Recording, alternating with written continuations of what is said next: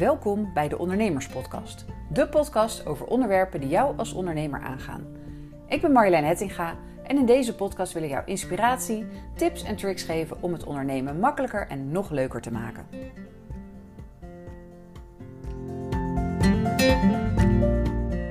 Hallo, leuk dat je weer luistert naar de Ondernemerspodcast. Vandaag ga ik het hebben over een onderwerp wat uh, volgens mij bij ongeveer de helft van de ondernemers op de bucketlist staat: het schrijven van een eigen boek. En dat doe ik niet alleen, want vandaag heb ik de gast via Zoom Marta Pelkman. En Marta is schrijfcoach en ze helpt ondernemers bij het schrijven van een uh, managementboek. Marta, welkom. Leuk dat je er bent. Dankjewel. Leuk dat ik er mag zijn. Ja, top. Hey, uh, je bent schrijfcoach. Wat doet een schrijfcoach uh, precies? Nou, een, sch een schrijfcoach die uh, helpt mensen bij het schrijven van hun boek. dus als ze vastzitten in de inspiratie, dan zorg ik dat er inspiratie komt. Ik help ze op weg bij het schrijven en ik zorg ervoor dat er een goede structuur staat voor het schrijven van je boek. Kijk, heel goed.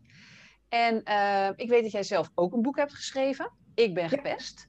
Hoe ben je daar zo toe gekomen om dat boek te gaan schrijven? Ja, dat is, dat is een heel bijzonder verhaal. Uh, ik ben dus inderdaad gepest uh, vanaf mijn zesde tot mijn achttiende. Uh, dat heeft ervoor gezorgd dat ik ja, toch best wel wat overlevingsstrategieën heb opgebouwd.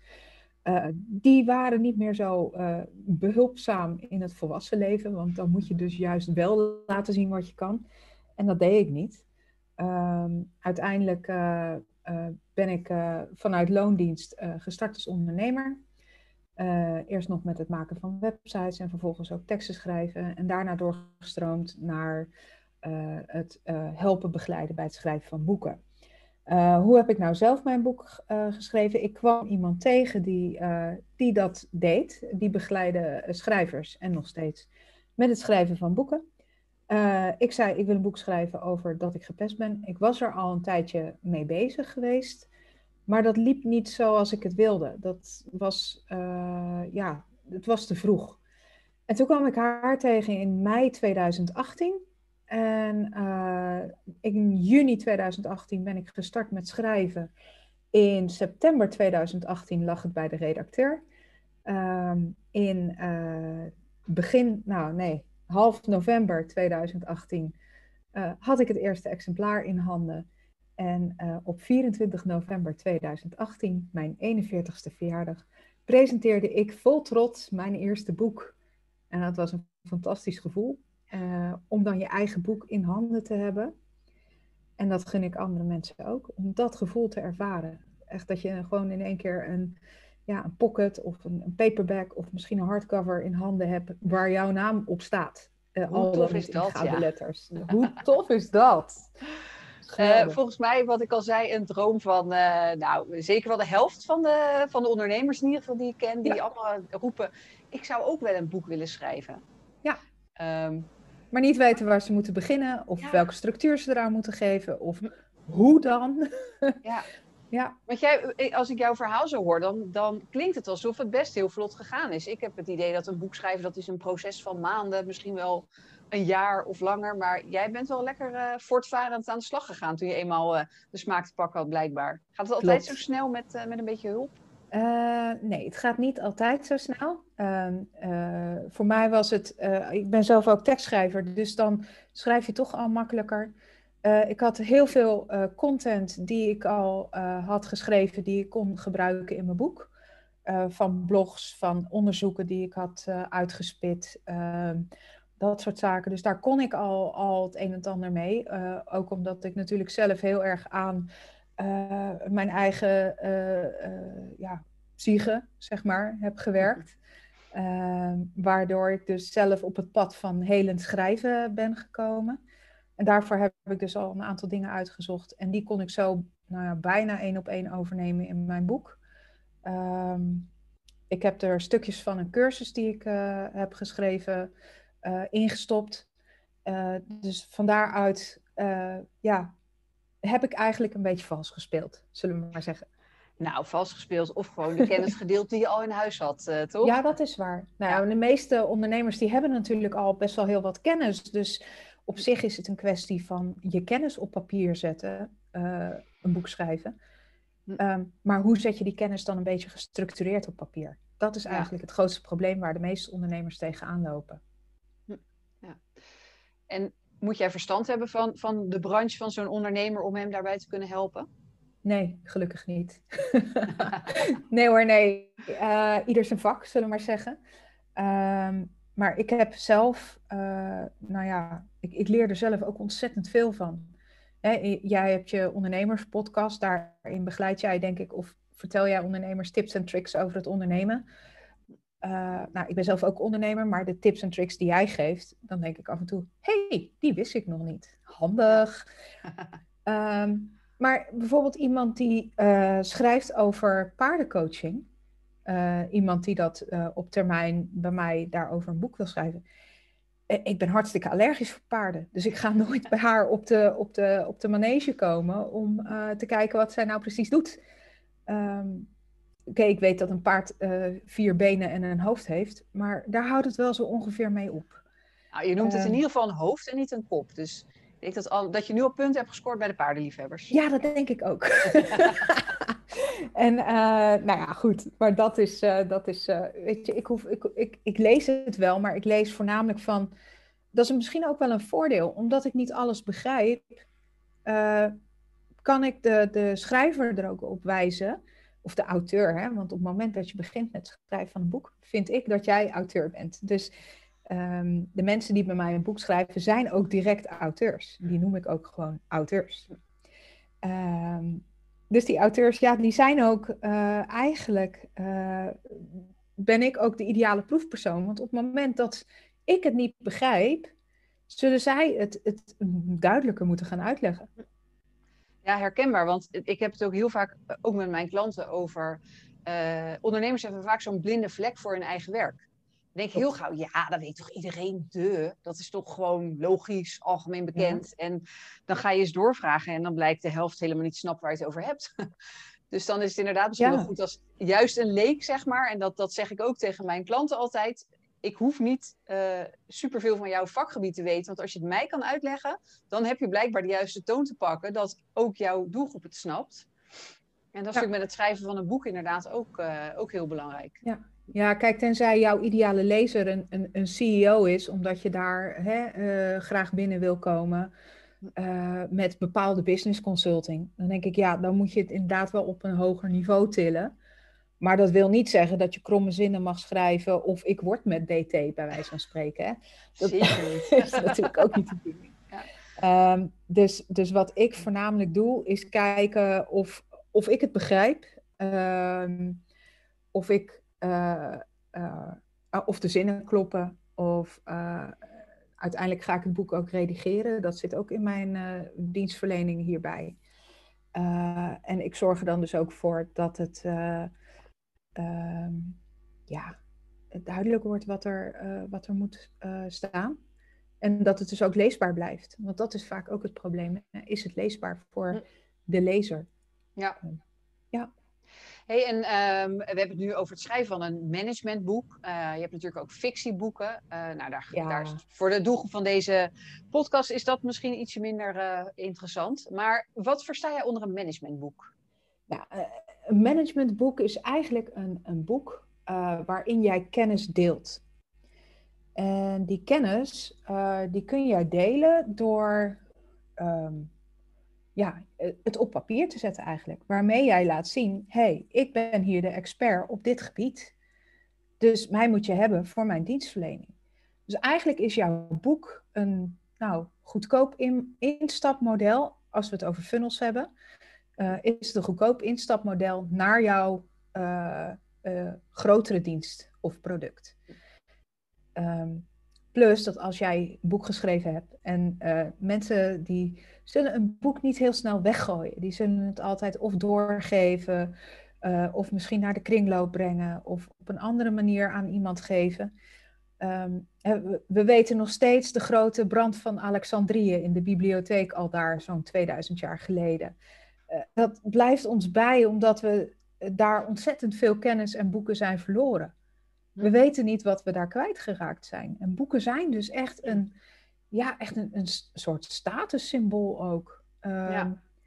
ja, dus een, een, een managementboek is echt een boek waarin jij deelt wat je doet. waarom je doet, Ja. eh, voor wie je dat doet, maar hoe je dat doet, dat moeten ze bij jou komen afnemen. Dat verklap je nog niet helemaal in je boek. Jij ziet dus jij ziet zo'n boek echt als een, eh, als een marketingmiddel.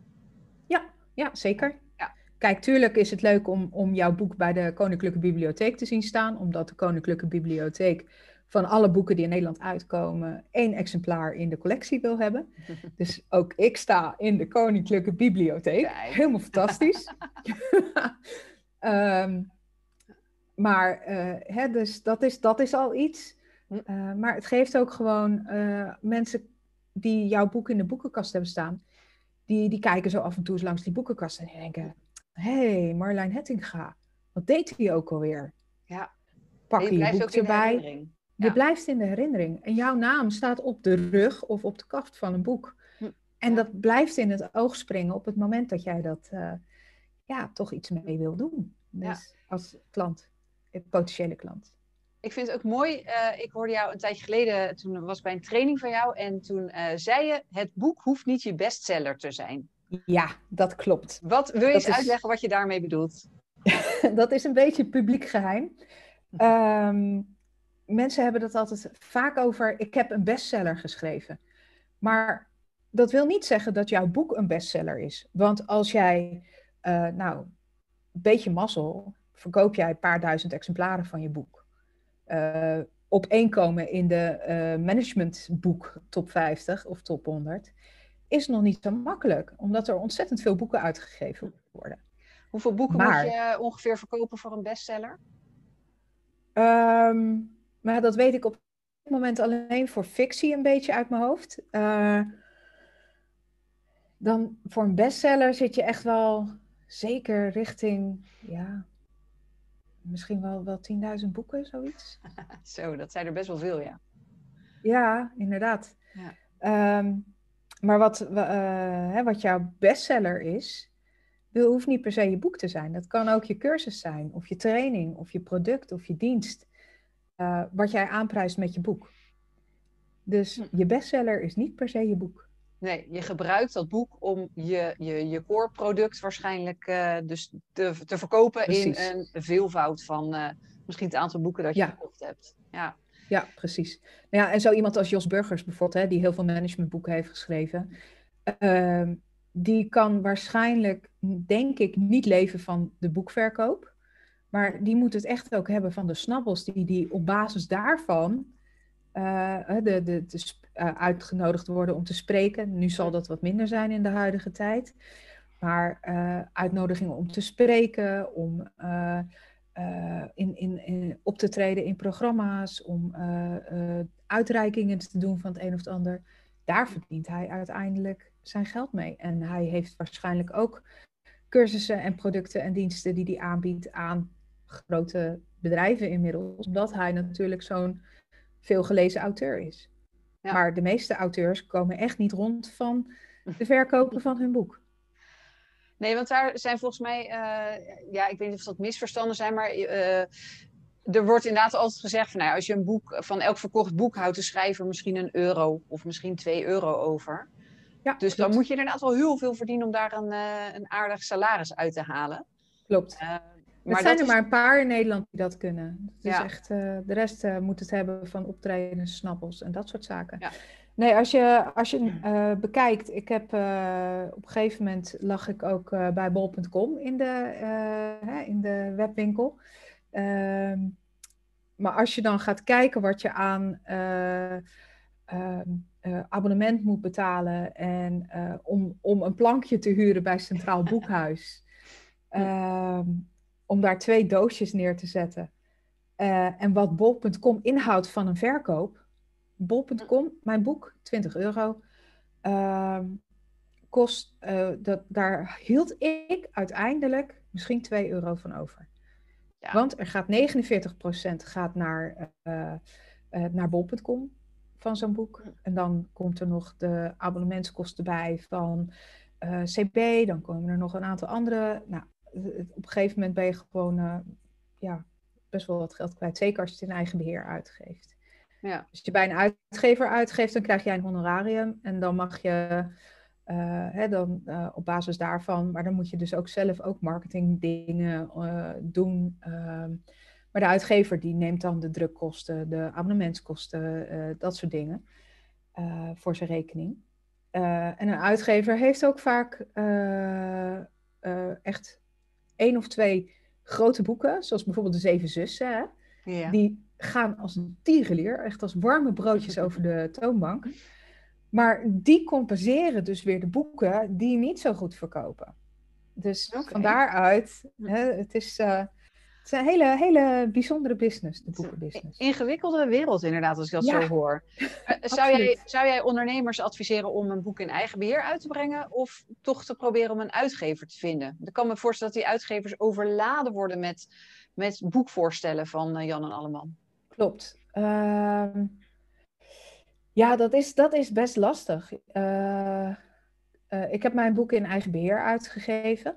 Um, en dat heb ik gedaan omdat ik ja, uh, dacht dat ik het niet bij een uitgever zou kunnen krijgen. Uh, dat was ook mijn, mijn uh, ja, ik, het was voor mij heel klein, zeg maar, op dat moment. Um, het was ook meer een afsluiting van een periode dan dat ik er echt veel, heel veel grote dingen mee wil doen. Maar het, ja, het ligt hier en het is fantastisch om zoiets te hebben gedaan, zeg maar. Um, maar waar ik, waar ik voornamelijk nu, uh, uh, ja, ik, ik, eigen beheer, dan heb je het helemaal in de eigen hand. Hè? En dan mag je zelf bepalen hoe het eruit ziet. Uh, of je goud op snee wil, hè? Die, die mooie gouden randen zo oh, ja. hè? met harde kaft en, en leeslint of ja of nee, of gelijmd of genaaid of gebonden of whatever. En kan je het zelfs duur maken als je zelf wil. Uh, maar een uitgever die wil toch vaak zelf dat bepalen. Dus maar eigenlijk maar net waar jij uh, behoefte aan hebt. Um, je kunt het proberen. Kijk, als jij echt een goed manuscript hebt, een goed idee voor een boek. Uh, ik hou je niet tegen om het te proberen, maar ehm, bereid je voor op afwijzingen. Ehm, een vriendin van mij die had, hoe heet dat? Zij, had, zij, had, uh, zij heeft een fictieboek geschreven. Dat is uiteindelijk door een uitgever uitgegeven. Um, maar zij heeft haar manuscript dus naar verschillende uitgeverijen opgestuurd. En uh, iedere, uit, uh, iedere afwijzing die ze kreeg, daar heeft ze zo'n gouden schilderijlijstje voor gekocht. En die heeft ze op de muur gehangen. Zo van, oké, iedere nee brengt mij dichter bij een ja. En uiteindelijk is zij dus uitgegeven. Maar hangt haar nu met haar tweede wel... boek bezig. Ja, hangt haar muur nu wel vol met gouden lijstjes? Of viel het mee? Ehm, nou, ik heb het nog niet gezien. Uh, maar uh, volgens mij hingen er wel een aantal, ja. Dus... ik denk dat dit is wel ook een beetje hetzelfde als met, met sales. Uh, waar ondernemers vaak ook wel heel erg tegenop zien. Um, dat je ook va vaker nee krijgt dan ja waarschijnlijk. Klopt. En dat ook een kwestie is van niet opgeven na een nee. Maar nou ja, dan was dit misschien niet de uitgeverij voor jouw boek. Maar er zijn er nog tegen andere. Ja, uh, precies. Maar ja, het is toch een beetje je kindje, denk ik, zo'n boek. Dus het voelt ook wel als een hele persoonlijke afwijzing als je dan uh, als iemand het niet wil uitgeven, denk ik. Ja, nou ja, inmiddels is uh, Lucia van der Brink, zij is dus auteur. En uh, zij, zij is dus voor de uh, Hebban Literatuur uh, Debuutprijs ge genomineerd. Heeft hem helaas niet gewonnen. Maar ja, dat is toch wel super tof als je dat voor elkaar krijgt. Hm. Als je uitgegeven bent. Het is een fictieboek wat ze heeft geschreven. Maar ja, het is toch, toch best wel heel erg. Het lijkt me vooral zo gaaf als je dan een boekwinkel inloopt en dat daar jouw boek op de plank ligt. Ja, ik zou ook elke boekwinkel overal naar binnen lopen als het dadelijk weer mag. En kijken van, ligt die er nog? En is de stapel al wat kleiner geworden? Ja, precies. dat, zou, dat is echt geweldig. Ja, zij zag zichzelf op een gegeven moment, ze woonde in Amsterdam. Ze is verhuisd inmiddels. Ehm, maar zij, zij, zij liep dan de boekwinkel binnen en nou ja, dan zag ze zichzelf daar liggen op de, op de stapel. En ja, fantastisch. Ja, hoe cool is dat? Ja, hoe cool is dat? De droom van uh, elke aspirant-auteur. Ja, ja. Maar hoe kom je zover? Hoe, um, heb jij tips voor ondernemers die zo'n boek willen schrijven?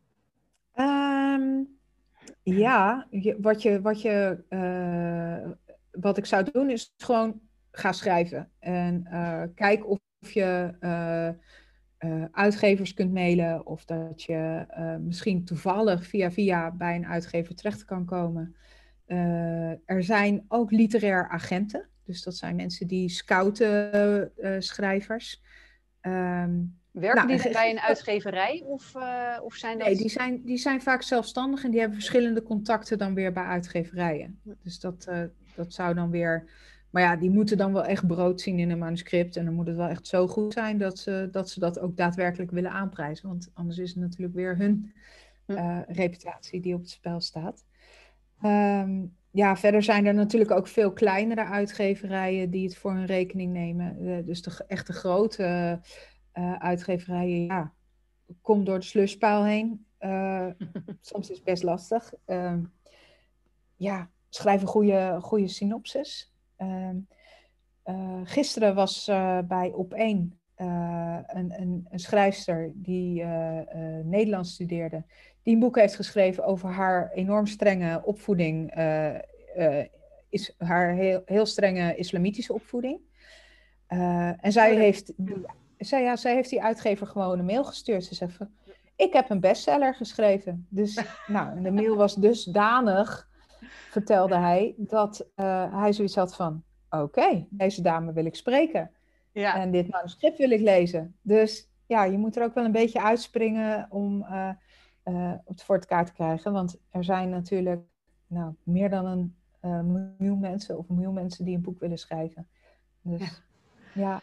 Ja, en ik denk inderdaad, uh, ja, je moet er dus uitspringen. Je moet ook wel misschien een beetje durven staan voor wat je, wat je te, te, vertellen hebt. En niet, niet te bescheiden zijn. Wat, wat ik merk, dat is een beetje een, een Nederlandse kwaal, denk ik. Doe maar gewoon, dan doe je al gek genoeg. En niet met je hoofd over het maaiveld uit. Maar ja, dan ga je ook niet opvallen natuurlijk. En deze dame, ik weet volgens mij over wie je het hebt. Daar las ik ook laatst een interview mee. Die heeft zich heel veel op de hals gehaald door dit boek te publiceren. Uh, maar zij, zij had wel ja, dit verhaal moet gewoon verteld worden. Ja. Uh, inclusief uh, gedoe met, met haar ouders, met haar gemeenschap. En ja, ja zij, ondanks dat ze waarschijnlijk dat risico had kunnen inschatten van tevoren, had zij zoiets, ja, dit moet gewoon verteld worden, dit boek moet er komen. Ja. Ze vindt het, maar ze staat er ook voor, ze durft het ook uit te dragen. Ja. Ik begreep wel dat ze nu helaas stopt met schrijven hierdoor. Klopt, inderdaad. Zij heeft zoveel ellende en bedreigingen over zich heen gehad. Terwijl ze echt wel ja, een fictieverhaal heeft geschreven. Uh, maar met autobiografische elementen. Want ja. mijn beleving, als je schrijft, neem je altijd een stukje van jezelf mee. Dat denk ik ook wel, ja. Zeker in je debuutroman. Dat, ja. Uh, ja. Maar ook een beetje brutaal zijn dus inderdaad. Uh, en, uh, en niet te bescheiden, denk ik vooral. Zeker. Ja. En laat het ook vooral doorlezen door iemand die nou, wel vaker boeken doorleest. En gewoon echt, dan preek ik niet voor eigen parochie, maar laat het jou wel bellen, toch? Uiteraard, tuurlijk. Altijd. nee, maar ze, uh, hè, dus probeer het in ieder geval uh, te laten doorlezen door iemand die verstand heeft van, van boeken, de opbouw van boeken, uh, voordat je het opstuurt. Want als je een manuscript helemaal opstuurt, moet er echt wel gewoon een goede, goede redacteur overheen geweest zijn, anders gaan ze er sowieso niet naar kijken. En eigenlijk moet de eerste pagina, moet, moet de redacteur die het leest, al uh, ja, uh, pakken. Gegrepen worden. Ja, ja, absoluut. Ja. Verwacht zo'n uitgever een, een compleet manuscript? Of kan je ook uh, een eerste hoofdstuk of een paar hoofdstukken schrijven en op basis daarvan kijken van is er interesse voor voordat je verder gaat schrijven? Ja, dat durf ik niet zo goed te zeggen, dat, dat weet ik niet. Ehm, en ik wil daar ook niet foute verwachtingen Fout advies geven. Ja, ja. precies. Ja. Dus, Nee. Denk je dat iedereen, uh, elke ondernemer een boek kan schrijven als dat uh, op zijn eh, bucketlist staat? Ja, absoluut, zonder twijfel. Um, iedere, iedere ondernemer kan e-mailen. Die kan mooie, mooie e-mails schrijven, neem ik aan. Uh, als het verder gaat dan ja, nee, misschien tot ziens, dan, hè, dan kan, je een, kan je ook een boek schrijven. Als je kan schrijven, kan je een boek schrijven. Juist. En, en het ligt heel dichtbij je, want als jij kennis, uh, jouw kennis opschrijft, ja, dat deel je vaker met mensen. Dus dan weet je al een beetje hoe je dat kunt opschrijven. Waarom is dat zo lastig, denk je, voor veel, veel mensen? Dat de, de kennis heb je in je hoofd. Ik zie dat ook in mijn werk hoor. Uh, ondernemers hebben heel veel te vertellen, ze hebben heel veel kennis. Ze kunnen ook hun klanten heel goed helpen. Maar het moment dat ze er iets mee moeten gaan doen met die kennis, dus het opschrijven of van mij wordt op social media of er een blog over schrijven, dan, dan blokkeren ze een soort en dan opeens komt dat er niet meer uit. Ja, daar zitten een aantal dingen in. Uh, de eerste uh, reden is dat mensen zeker bij een boek denken, ja, maar alles is toch al een keer gezegd. En wat heb ik nou bij te dragen? Wat heb ik nou te vertellen? Nou ja, jij hebt jouw eigen uh, manier van dingen uitleggen, die misschien aanspreekt bij uh, hoe, je de, hoe je de klant benadert. sowieso um, denk ik ook dat je, als je een boek gaat schrijven, dat je absoluut je eigen verhaal erin moet stoppen. Dus jouw eigen drijfveer. Ik ga ook altijd op zoek naar waarom wil je nou dit boek schrijven? Wat is de reden dat jij uh, het hebt bedacht om een boek te gaan schrijven? Wat is de reden dat jij hebt bedacht om, uh, om het boek te schrijven? Om, uh, waarom doe je wat je doet? En ik vind dat dat ook daadwerkelijk in dat boek moet komen. Dus ik wil ook echt die persoonlijke noot, die persoonlijke drijfveren in dat boek hebben zodat een klant meer met jou kan connecten en meer met jou, meer voeling met jou heeft, zodat jij dus daadwerkelijk iets te vertellen hebt. En ja. kijk, het business canvas model uh, is al uit en treuren besproken.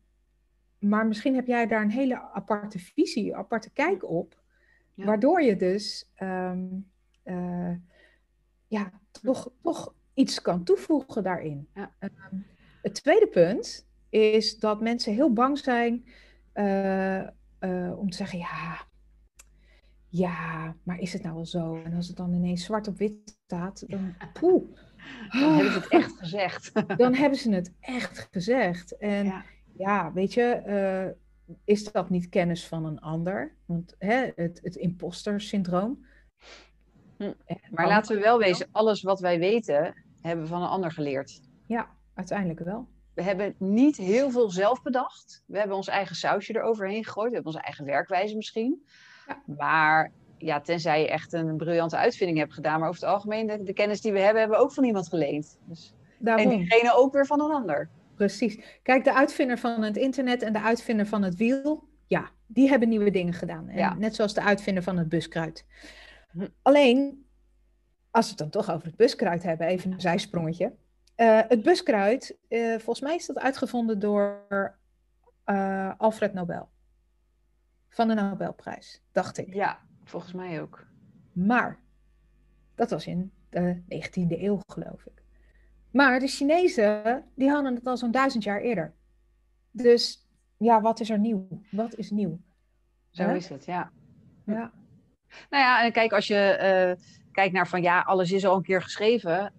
er zijn duizenden boeken over de Tweede Wereldoorlog geschreven, maar er komen nog steeds nieuwe boeken over uit. Weet je? We zijn 75 jaar verder, dus blijkbaar zijn er nog steeds mensen die nog meer willen weten over een bepaald onderwerp. Ja, dus ja dat is ook het, ja. het, grote succes van bladen zoals Historie en uh, Quest en dat soort dingen. Hm. En die, die, die willen ook, uh, ja, er zijn steeds mensen die het nieuw willen lezen. Die, uh, er worden steeds meer ontdekkingen gedaan. Zelfs in Pompeii wat wij al, uh, hè, waar we al uh, toeristische trekpleister van hebben, worden nog steeds nieuwe ontdekkingen gedaan. Zo is er laatst dus een, uh, een rijtuig gevonden in zeer goede staat. Hm. met, met allerlei 18-plus decoraties erop. En dan denk ik ook zo. Daar kan ook weer een boek over geschreven worden, volgens ja, mij. Precies, inderdaad. Ja. En zo zijn er altijd, zelfs, kijk, als je naar de fictie kijkt, ehm, zeker naar de young adult van tegenwoordig. Dat is altijd uh, jonge, jonge meisje, driehoeksverhouding. Denk aan um, uh, Twilight of, uh, nou ja, hè, dus daar, daar, daar heb je altijd twee verschillende soorten jongens. Hè, het stoere type en het zachte type. Ja. En een meisje die denkt, oh ja, maar die stoere man, wauw. Ja, maar het zachte type is ook wel wauw, weet je. Dus Ja, uh, en waar, dat is eigenlijk de basis van een, van een young adult uh, roman. Hm. Ehm, maar de uitwerking daarvan, als ik honderd schrijvers die opdracht geef, dan komen er honderd verschillende verhalen uit. Ja. Dus het is altijd anders. Als ik naar mijn eigen boekenkast kijk, dan staan daar ook heel veel, ja, een beetje vergelijkbare, eh, zeg maar, in een genre is het verhaal ook vaak vergelijkbaar. Klopt. Uh, Als je het over inderdaad romans hebt, uh, er gebeurt iets naars en het komt weer goed, even kort door de bocht, want je wil gewoon een, uh, ja, ze leeft nog lang en gelukkig. Als het om, weet ik veel, thrillers gaat of wat dan ook, ja, of, of, of vroeger las ik heel veel John Grisham bijvoorbeeld, allemaal van die oh juridische thrillers. Heerlijk. Maar uiteindelijk, het verhaal was altijd anders, maar de basis was in feite natuurlijk hetzelfde. De basis is hetzelfde. En dat is wat Joseph Campbell heeft uitgevonden met zijn The Hero of, with a Thousand Faces. Uh, het is een, uh, die heeft echt mythes uit de hele wereld met elkaar vergeleken. Dat is uh, nou, een standaardwerk van ongeveer 5 centimeter dik. uh, staat bij mij in de kast. Maar daar zie je dus de, de verhaalopbouw bestaat uit twaalf elementen. En die komen al of niet allemaal terug in een verhaal. En het is altijd een conflict wat overwonnen moet worden, waardoor de hoofdpersoon groeit. Het zij in karakter, het zij in fysiek, het zij in leeftijd. Um, en hij moet altijd iets overwinnen. Ja, dus dat de we hebben het nu toch stiekem over fictieboeken, maar uiteindelijk inderdaad is daar ook de basis gewoon vaak hetzelfde. Dus... Ja, maar dat is ook voor levensverhalen zo, hè? Dus als jij een stukje van je levensverhaal in jouw managementboek gaat schrijven, dan zul je altijd zien dat jij een bepaald obstakel hebt overwonnen, waardoor je nu doet wat je doet. Ja. Nou, Zo heb ik mijn uh... pestverleden overwonnen om, te, om nu in jouw podcast op te treden en zichtbaar te zijn. Ja, en anders had je dat misschien niet gedurfd. Precies. Nou, had, je, had je ondernemer durven worden anders, als je dat niet overwonnen had?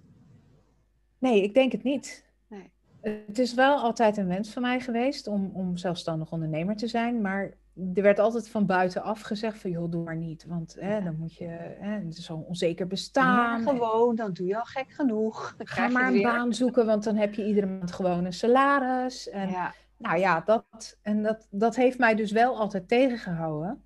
Maar uiteindelijk uh, lukte het gewoon niet meer in loondienst. En ehm, ja, wat moet je dan? Nou ja, dan maar ondernemer.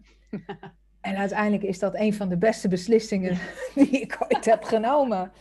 Uh, omdat ik het gewoon zo ontzettend naar mijn zin heb als ondernemer. Ik leer ontzettend veel. Ik groei nog steeds als ondernemer, als persoon. Uh, waardoor ik dus gewoon echt ja, dingen meemaak die ik anders misschien niet zou hebben meegemaakt. Hm. Nee, wat gaaf dat maakt, horen. maakt mij een vol persoon uiteindelijk. Ja, dus. ja want jouw boek, um, jouw boek, heb jij dat geschreven voor mensen die gepest worden, met name? Of nou, ook wat breder? Ik heb het uh, in eerste instantie als een soort verhaal, uh, overwinningsverhaal geschreven. Okay. Uh, zo van, kijk, dit is mij overkomen. Hm. maar ik ben uit mijn slachtofferrol gestapt. En ik heb het overwonnen en ik durf nu mezelf te laten zien. Ja. Een van de titels die ik had verzonnen, die het niet gehaald heeft, was Met mijn kop boven het maaiveld. Kijk, daar heb je weer. Juist. maar dat, dat nou, die heeft het dus niet gehaald. want die, in 2018 kwam ook die hele MeToo-beweging op, zeg maar. Uh, en toen heb ik dus hashtag ik ben gepest van gemaakt van de titel. Omdat ik dacht, ja, ik wil eigenlijk een beweging opzetten, starten, waarmee mensen dus ehm, uitkomen voor het feit dat ze zijn gepest. Het zij op school, het zij op de werkvloer, het zij in de vereniging. Want ik heb ze alle drie meegemaakt, helaas. Het komt ehm, overal voor, inderdaad. Dat vergeet het komt overal We denken dat het iets van kinderen is, maar dat is natuurlijk lang niet altijd zo. Nee, absoluut niet. Hm. Uh, en wat betekent dat? Uh, het betekent dat jij uh, nou, psychische, lichamelijke, emotionele problemen kan oplopen. Maar wat een hoop mensen vergeten is dat het ook economisch problematisch kan zijn voor een werkgever. Omdat je hebt een werknemer die niet lekker in zijn vel zit en die daar, uh, die daar last van heeft misschien. En die dus ondermaats presteert. Buiten zijn eigen schuld uiteindelijk. Ja. omdat er gepest wordt. Uh, en ik wilde dus eigenlijk, uh, zeker voor scholen, dat het pestprotocol wat er is, wat eigenlijk niet meer dan een A4'tje is ter informatie van de, voor de schoolinspectie, dat als ze inspectie krijgen, dat ze kijk, ik heb een ja. protocol. Een vinkje. En dat verdwijnt weer keurig, een vinkje, ja. en dat verdwijnt weer onder in de la. En er gebeurt niks mee. Hm. maar wat ik er ook mee wilde met mijn boek, is laten zien dat schrijven kan helen. Dat je door te schrijven, echt fysiek met de hand en een pen en papier, dingen op te schrijven, dat je daar dus ook je leven mee kunt veranderen. Hm. Nou, uiteindelijk is dat voor mij een, uh, een eindpunt geworden, want ik heb ja. mijn leven veranderd hm. door erover te schrijven op bepaalde manieren.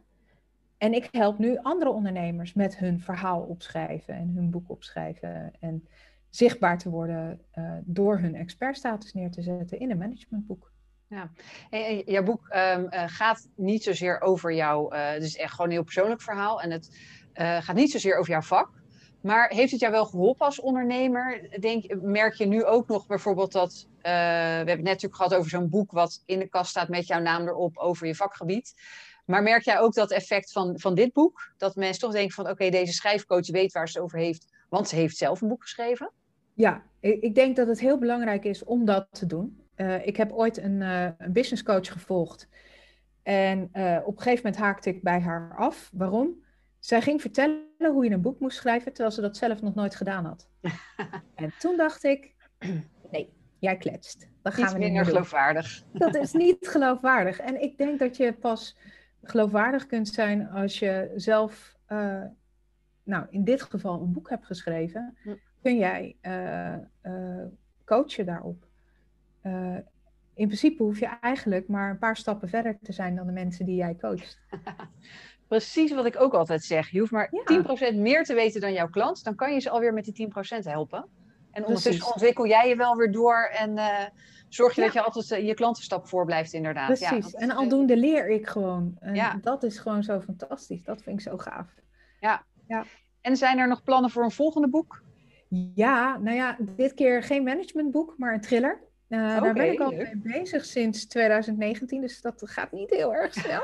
Hij gaat niet zo hard als je eerste boek. nee, uh, helaas, nee. Um, maar uh, in, dit is een thriller, gebaseerd op, op het format van, van Agatha Christie. Murder on the Orient Express. Mensen zitten, in mijn, mijn boek zitten ze vast in de lift en dan wordt, gaat er iemand dood. Um, ja, wie heeft het dan gedaan? Oké, okay, spannend. Echt een who done it. Oeh, ja. ja. Hey, um, is, zo'n, is fictie schrijven, is dat heel veel anders dan een managementboek schrijven? Um, nee, dat denk ik niet. In die zin, natuurlijk moet je voldoende fantasie hebben om het verhaal te kunnen verzinnen. Hè? Om, om uh, er een mooi verhaal van te kunnen maken. Om de personages ook daadwerkelijk een leven te geven. Maar als je een managementboek schrijft, ja, je bent eigenlijk ook bezig met, uh, met zinnen maken die jouw lezer verleiden om door te lezen. Om uh, zelfs misschien wel nou, voor een fictieschrijver je volgende boek af te nemen, maar voor een managementboek om jouw volgende product af te nemen. Hm. dus iemand schrijft iets over masterminden en hoe je dat het beste kunt doen. Dan wil je toch dat mensen een, jou als facilitator van masterminds gaan zien. Hm. Dus altijd schrijven inderdaad met je, je doel voor ogen. Ja, zeker, inderdaad. Ja. Keep the end in mind, hè, noemen ze dat. Dat is ook een hele goede inderdaad, ja. Dus niet, jij, jij zegt niet, begin maar met schrijven en, en kijk maar wat er op papier komt, maar wel vooral met het, ja, het doel voor ogen, het, het eind, waar, waar wil je uiteindelijk terechtkomen? Ja, waarom wil je dit boek schrijven? Wat is jouw hè, diepere bedoeling ermee? Wil je alleen je expertstatus neerzetten of wil je ook echt iets ermee gaan verkopen? En hm. dan moet je dus ook die zinnen kunnen schrijven die jouw lezer verleiden om het product bij jou af te nemen. Ja. En daar zit niet zoveel verschil in bij een fictie. Mooi, goed om te horen. Yes. Hey, wat, uh, wat zou jij willen zeggen tegen ondernemers die zeg maar, al een hele tijd met dat idee voor dat boek in hun hoofd lopen? Hoe, hoe, uh, wat wil je tegen ze zeggen om dat eindelijk eens een keer van die bucketlist af te kunnen strepen? Ja, zoek een coach. uh, die jou uh, kan helpen met, met waar jij op vastloopt. Dat kan al gelijk aan het begin zijn met de structuur of met je mindset, hè, waar we het net over gehad hebben. Uh, om maar weer eens een modebord erin te gooien. Ja. maar wel waar het vaak om draait, ja. ja, precies. Hè, van nou, alles is al verteld en ik heb toch niks toe te voegen. Het kan zijn dat jij um, en je zegt dat je uh, nou ja, misschien een stok achter de deur nodig hebt. En uh, dat kan zijn iemand met fluwelen handschoentjes, maar dat kan ook een strenge meesteres met de zweep zijn. Dus, en, wie ben jij van de twee? Ik kan allebei. Oké. nee, ik ben meestal wel degene met de fluwelen handschoentjes. Maar als je het echt van me vraagt, dan wil ik ook wel de zweep ter hand nemen. Ja, dus, voor sommigen ja. is dat uh, misschien ook nodig. ja, zeker. Uh, nee, maar die stok achter de deur, zorgen dat je het inplant, uh, zorgen dat je het ja, op een goede manier voor elkaar krijgt. dat je, ja, die, die, zeker die stok achter de deur, dat is een hele belangrijke. En zoek een schrijfcoach die bij jou past. Ja. Um, je moet er namelijk een lange tijd mee samenwerken. Ja, dan moet het wel een beetje klikken, inderdaad. Dan moet het wel een beetje klikken en dan moet je wel dingen van die coach durven aannemen of willen aannemen. En als je dat niet hebt, ja, dan wordt het een hele, hele, hele stroeve samenwerking. Ja. En dat is niet wat je wil. Want dan heb je altijd een nare herinnering bij dat boek. En dat hm. is niet Dus... Ja, plus dat ik me afvraag of het, uh, of het resultaat dan optimaal wordt. Nee. Als het proces zo vervelend wordt, kan je dan nog al je, je hele hart en ziel in zo'n boek stoppen? Nee, en uh, zeker ook omdat ik vraag om een stukje van jouw persoonlijke verhaal erin te zetten. Hè, waarom doe je wat je doet? Waarom wil je dat mensen dit boek lezen?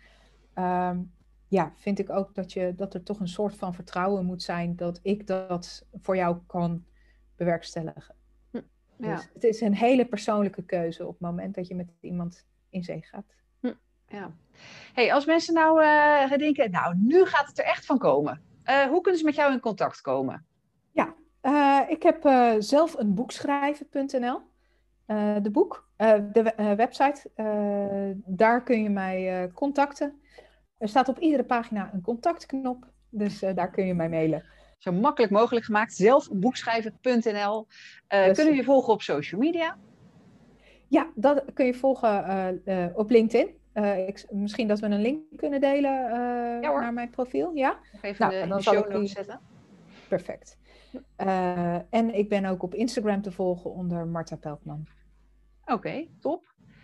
Ja. Is er nog iets wat je kwijt wil? Want we zijn alweer een beetje door de tijd heen, zo ongeveer. Oh, echt? Ja, dat gaat hard, hè? Zo! ja, ja, volgens mij kan jij nog uren hierover doorkletsen. En oh, ik ja. ook. Maar uh, ja, dus we gaan misschien nog een keer een volgende podcast hierover opnemen. Over fictieboeken uh, schrijven.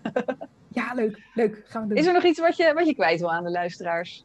Um, Nee, eigenlijk niet. Je hebt alles wel gevraagd. En uh, ja, als je een boek wil schrijven, wacht niet tot je 60 bent of 70, want dan ben je echt te laat. Ja. Ik heb iemand van 26 die een boek aan het schrijven is, dus tof. Als jij 23 bent, ben je ook van harte welkom. En als je 60 bent, ben je ook van harte welkom. Gewoon doen, vooral. Gewoon doen. Niet ja. wachten tot later als ik groot ben. Nee, gewoon doen. Top. Nou, ik hoop dat, je, dat, dat wij hiermee uh, weer heel wat mensen hebben geïnspireerd om uh, lekker te gaan schrijven. Gewoon beginnen. Gewoon en beginnen. Uh, ja, ik vond het heel leuk om lekker met jou over schrijven en over boeken te kletsen. En ja, super. nou ja, hartstikke bedankt voor je tijd en voor al je goede tips. Ja, graag gedaan. En bedankt. Yes. Nou, luisteraars, bedankt voor het luisteren en tot een volgende podcast.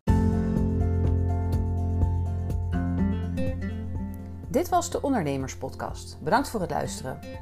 Ik hoop dat ik je heb geïnspireerd om het ondernemen makkelijker en nog leuker te maken. In dat geval zou je me een groot plezier doen als je een review achter wil laten. Zo kan de Ondernemerspodcast namelijk nog beter gevonden worden. Alvast bedankt en tot de volgende podcast. Thank you.